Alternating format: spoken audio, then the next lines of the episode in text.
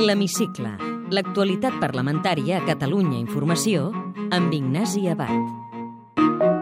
La reunió del Pacte Nacional pel Dret a Decidir divendres al Parlament ha ajudat a tancar files entre els partits del 9-N entorn a la consulta alternativa i les fórmules de mobilització que es plantegen pel segon diumenge de novembre. Compromís per treballar unitàriament a través de les urnes i de qualsevol procés de mobilització ciutadana davant de la situació L'expresident del Parlament i coordinador del pacte, Joan Rigol, parlava de treball unitari en una setmana ben moguda. Va començar dilluns amb l'anunci d'un preacord del govern amb la CUP. Mig desmentit després. Contactes posteriors d'Esquerra Iniciativa. D'aquests dos grups amb el mixt. Rumors d'acord a tres bandes. I finalment sortida de la CUP de les converses sobre el 9-N. Ho explicava dimarts Quim Arrufat. Estem sortint d'un terreny ara mateix enfangat i per tant canvi d'esquema de treball, no ens desentenem de res ni tirem cap tovallola, sinó que treballem en un altre esquema per reforçar el 9 de novembre. Joan Mena, d'Iniciativa Esquerra Unida i Alternativa, reclamava gestos del govern per forjar un nou acord. a l'hora de recompondre aquesta unitat, perquè, per desgràcia, aquests últims dies els gestos del portaveu del govern doncs, no han sigut el que faciliten que es recomponguin els ponts de diàleg Dimecres, reunió Mas Junqueras. I missatge del líder d'Esquerra en sortir del Palau de la Generalitat. compromís absolut per part del govern i per part d'Esquerra Republicana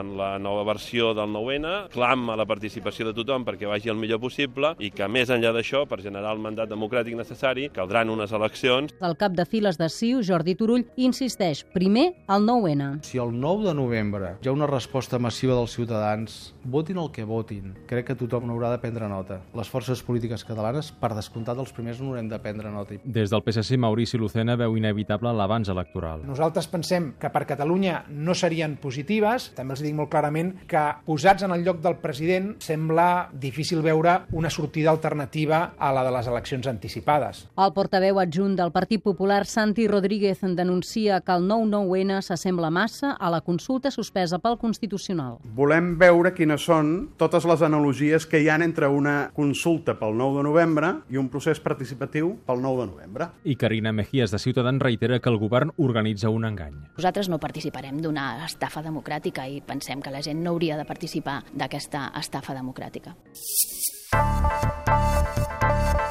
La Junta de Portaveus ha decidit que el diputat de la CUP, David Fernández, presideixi la comissió d'investigació sobre el frau i l'evasió fiscal arran del cas Pujol. Cosa que no agrada ni al PP ni a Ciutadans. Sentim Santi Rodríguez i Carina Mejías. I Quim Arrufat de la CUP. És incompatible que un grup que dona suport al govern presideixi una comissió d'investigació que pretén investigar coses que han passat dintre del govern. Algú que ha dit que està disposat a qualsevol cosa pel procés ens fa temer que potser no estarà disposat a arribar fins al final. Si heu posat el Partit Popular amb una franquesa enorme, no, no ens en fiem de vosaltres, nosaltres hem dit nosaltres de vosaltres tampoc, i heu presidit. La comissió de caixes. Aixequem la sessió i donem per concloses les compareixences de la llei de transparència. Dijous a la tarda acabaven les 24 compareixences sobre la llei de transparència, norma clau de la legislatura. Escurçant els terminis d'esmenes, la llei podria rebre el vistiplau definitiu del ple abans d'acabar l'any. Alguns dels compareixents han qüestionat una de les pedres angulars de la llei, el silenci administratiu positiu per a l'accés a la informació. És el cas del catedràtic Oriol Mir. Imaginen que una organització jihadista demana informació sobre els plans d'evacuació de centrals nuclears. Eh? Aquesta és una informació molt sensible. A ningú se li ocorreria concedir aquesta informació. Llavors, el silenci és positiu, la persona té dret a obtenir la informació. No? El legislador estatal, per tant, amb bon criteri, opta per establir el que s'estila de tot arreu, que és el silenci negatiu. Àngels Barberà és la directora de l'Autoritat Catalana de Protecció de Dades. Amb un silenci negatiu, però tindre un òrga gratuït i àgil on pugui anar ràpidament a recórrer davant d'un silenci negatiu al ciutadà, a més tingui capacitat sancionadora, això es resol d'una manera bastant més pràctica. El síndic de Greuges, Rafael Ribó, qüestiona la creació d'una comissió específica per vetllar pel compliment de l'accés a la informació perquè considera que l'Estatut li encarrega a la institució que ell mateix dirigeix. Ribó se les va tenir amb els diputats Lluís Coromines i Gemma Calvet. A qui li encarrega l'Estatut vetllar i garantir els drets? O a quina altra institució li encarrega per del síndic? Pregunto. La voluntat de l'avaluació és que precisament el síndic és el garant del dret a la bona administració, faci aquesta funció i no faci d'alçada administrativa, que no és el cas. I quan li hem preguntat si vostè assumeix la potestat en el marc legal que vostè té per dictar resolucions, volem que ens contesti sí o no. Jo em nego a respondre cap demanda en Parlament que em diguin digui sí o no. El dret comparat, senyora Calvet, va ple d'exemples d'ombudsman que fan la funció d'accés a informació. També el director de l'Oficina Antifrau reclama poder vetllar pel compliment de la llei de transparència. Però Daniel de Alfonso reconeix que... Són vostès els sobirans per determinar en què o en quins òrgans ha de recaure tan noble missió de tutela. De les compareixences també en surten suggeriments de canvis a la llei. Jaume Amat, síndic de comptes. Els contractes públics seria bo intentar unificar i homologar de manera que a tot arreu el gestor, preparant-ho una vegada, ho pugui enviar-ho en el registre de contactes de la Generalitat, en el portal de transparència, ho pugui penjar-ho a la seva web, sense tenir que cada vegada fer un paper diferent. Francesc Torralba, catedràtic d'Ètica. No n'hi ha prou amb dir principis ètics. Seria bo dir quins. Equitat, llibertat, subsidiaritat. Quins són aquests principis que han de regular un bon govern? Joan Carles Jimeno, president del Tribunal Superior de Justícia de Catalunya. Què és el que manca amb aquesta llei? No es dona l'ordre de manera clara a l'administració de la Generalitat de Catalunya de que sigui, es diu que sigui proactiva, eh? no, no dic que no, però per què no s'ordena un pla estratègic, tot i que sigui sectorial? També han acabat les compareixences sobre la llei del circ sense animals. Aquesta vegada han vingut en la seva majoria gent que està a favor de la llei. Com un dels seus impulsors, Leonardo Anselmi, de l'associació animalista Libera. Sería una regulación, porque no se está prohibiendo el circo, se está prohibiendo una pequeña, ínfima actividad dentro del circo. En absoluto se está yendo en contra de todo el mundo circense. Luis Flores, veterinari de fauna salvatge. Si ya de por sí estos animales no viven bien en estos recintos, a esto se añade que lo mismo puedes tener un león en una caravana toda su vida, como me encontré no hace mucho tiempo, o se pueda tener un caimán mantenido prácticamente toda su vida en un cajón, sacándolo de vez en cuando a una bañera en las diferentes funciones del circo. Carme Maté, exdirectora del Zoo de Barcelona. Hi ha molts estímuls durant el transport, però no són estímuls positius. I el fet de no controlar l'entorn és el factor d'estrès més gran per als animals. Visió que es contradiu amb la de l'atòleg alemany Immanuel Birmelin. Hem comprovat científicament que el nivell d'estrès dels elefants abans d'un desplaçament i després és pràcticament el mateix.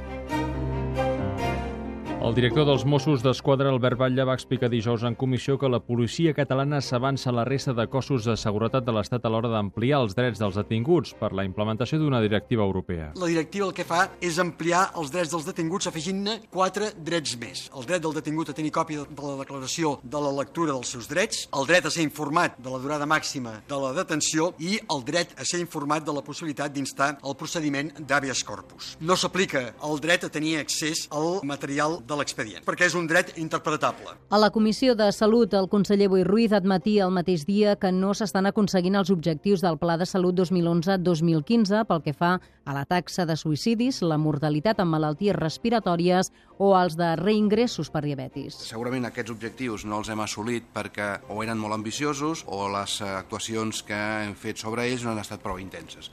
Per tant, els revisarem amb aquesta direcció d'avaluar quina és la causa. Dels indicadors de salut que van en la bona direcció destacava la reducció de mortalitat per càncer i malalties cardiovasculars.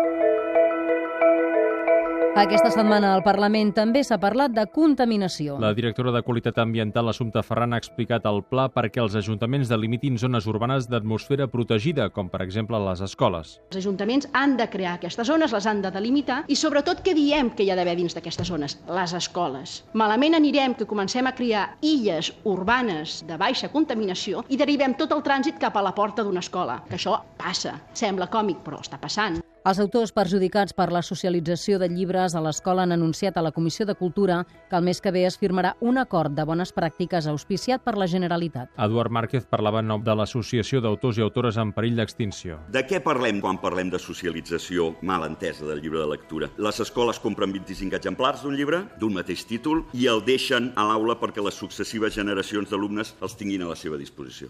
Clar, això té efectes severs sobre el sector. Apuntem finalment que l'Associació de Juristes en Defensa de la Llengua Pròpia ha aportat dades en comissió sobre el descens de l'ús del català a la justícia. Mireia Casals. Des de l'any 2005, que hi havia el Pla Pilot del Català, hi havia un 24% de sentències que es dictaven en català. A l'any 2011 hi havia baixat a un 18% i, d'acord amb la memòria del Tribunal Superior de Justícia, que fa referència a l'any 2013, el percentatge arriba ja solament al 12%. Té la paraula Assumpció Laïlla, diputada de Convergència i Unió. en una frase. Senyora Assumpció Laïlla, vol que Catalunya esdevingui un estat? Sí. I que aquest sigui independent? Sí, evident soc sí, sí. Participarà a la consulta alternativa del 9 de novembre? Participaré a tot el que em convoqui el president. Aquest és el pas immediat a unes eleccions? És un pas previ. De ben segur que tot acabarà amb unes eleccions. Quan? Quan la situació del país ho demani. Una reforma constitucional pot ajudar a l'encaix de Catalunya a Espanya? És massa tard per buscar un encaix de Catalunya a Espanya. En qualsevol cas, el que hem de buscar és un encaix de Catalunya a Europa. Què l'indigna més a vostè? La situació actual en la que ser polític sembla que has de demanar perdó per ser-ne. Les etiquetes són tan generals que a vegades has d'anar amb el catcot quan expliques a què et dediques. Quin sentiment té cap a l'expresident Pujol? Decepció, ràbia, són uns sentiments trobats perquè certament per mi era un referent. Ha cobrat o ha pagat mai en negre? La resposta políticament correcta seria que no, però segur que he pagat alguna cosa sense factura. Però segurament parlem d'imports petits. Posaria al foc que el seu partit ningú ha comès mai cap irregularitat? Els partits no són corruptes, en qualsevol cas ho són les persones. I s'està demostrant últimament posar la mà per grans quantitats de persones doncs és força complicat. Percep símptomes de recuperació econòmica? Són petits passos el que pots veure, però crec que sí, que estem ja posant fil a l'agulla. Ha estat mai a la cua de l'atur? No. Quins estudis té? Soc diplomada en infermeria, llicenciada en psicopedagogia i després diferents uh, màsters i especialitats d'infermeria. De petita ja li agradava fer discursos? Doncs no, contràriament al que es pot semblar, uh, de petita era més aviat tímida. En quines poblacions ha viscut al llarg de la seva vida? De viure sempre he viscut a Barcelona, però tinc vinculacions directes importants amb l'Ametlla de Mar i amb Agramunt. Un destí per un viatge de plaer. Maldives. Digui'm un espectacle escènic que l'hagi impactat recentment. Ara que es torna a reestrenar Maricel, és un d'aquells es espectacles que m'agradaria repetir. Un escriptor de capçalera. Puc anar des del Gabriel García Márquez a escriptors catalans, com pot ser Joan Vinyoli. Quin plat cuina més bé? No m'agrada gaire cuinar. Soc massa nerviosa per estar 3 hores remenant un sofregit. Quina és la cosa que l'omple més a la vida? Home, en aquests moments fer de mare. Creu en l'amor a primera vista? Sí. Amb quin sex símbol compartiria una estona? Amb Richard Gere. Citi'm un diputat o una diputada d'un altre grup que fitxaria pel seu ideologia a banda. L'Alicia Romero, del grup socialista, que vam compartir moltes trobades quan estàvem les dues a les joventuts. Quan acaba un ple del Parlament, com desconnecta? Estic recent incorporada o a mig incorporada a la... aquesta baixa estranya que faig de maternitat i, per tant, doncs estan amb la meva filla, que és el millor que hi ha en aquests moments. Senyora Assumpció Laïlla, moltes gràcies. A vosaltres. Podeu tornar a escoltar aquest programa i recuperar els anteriors a catradio.cat barra hemicicle.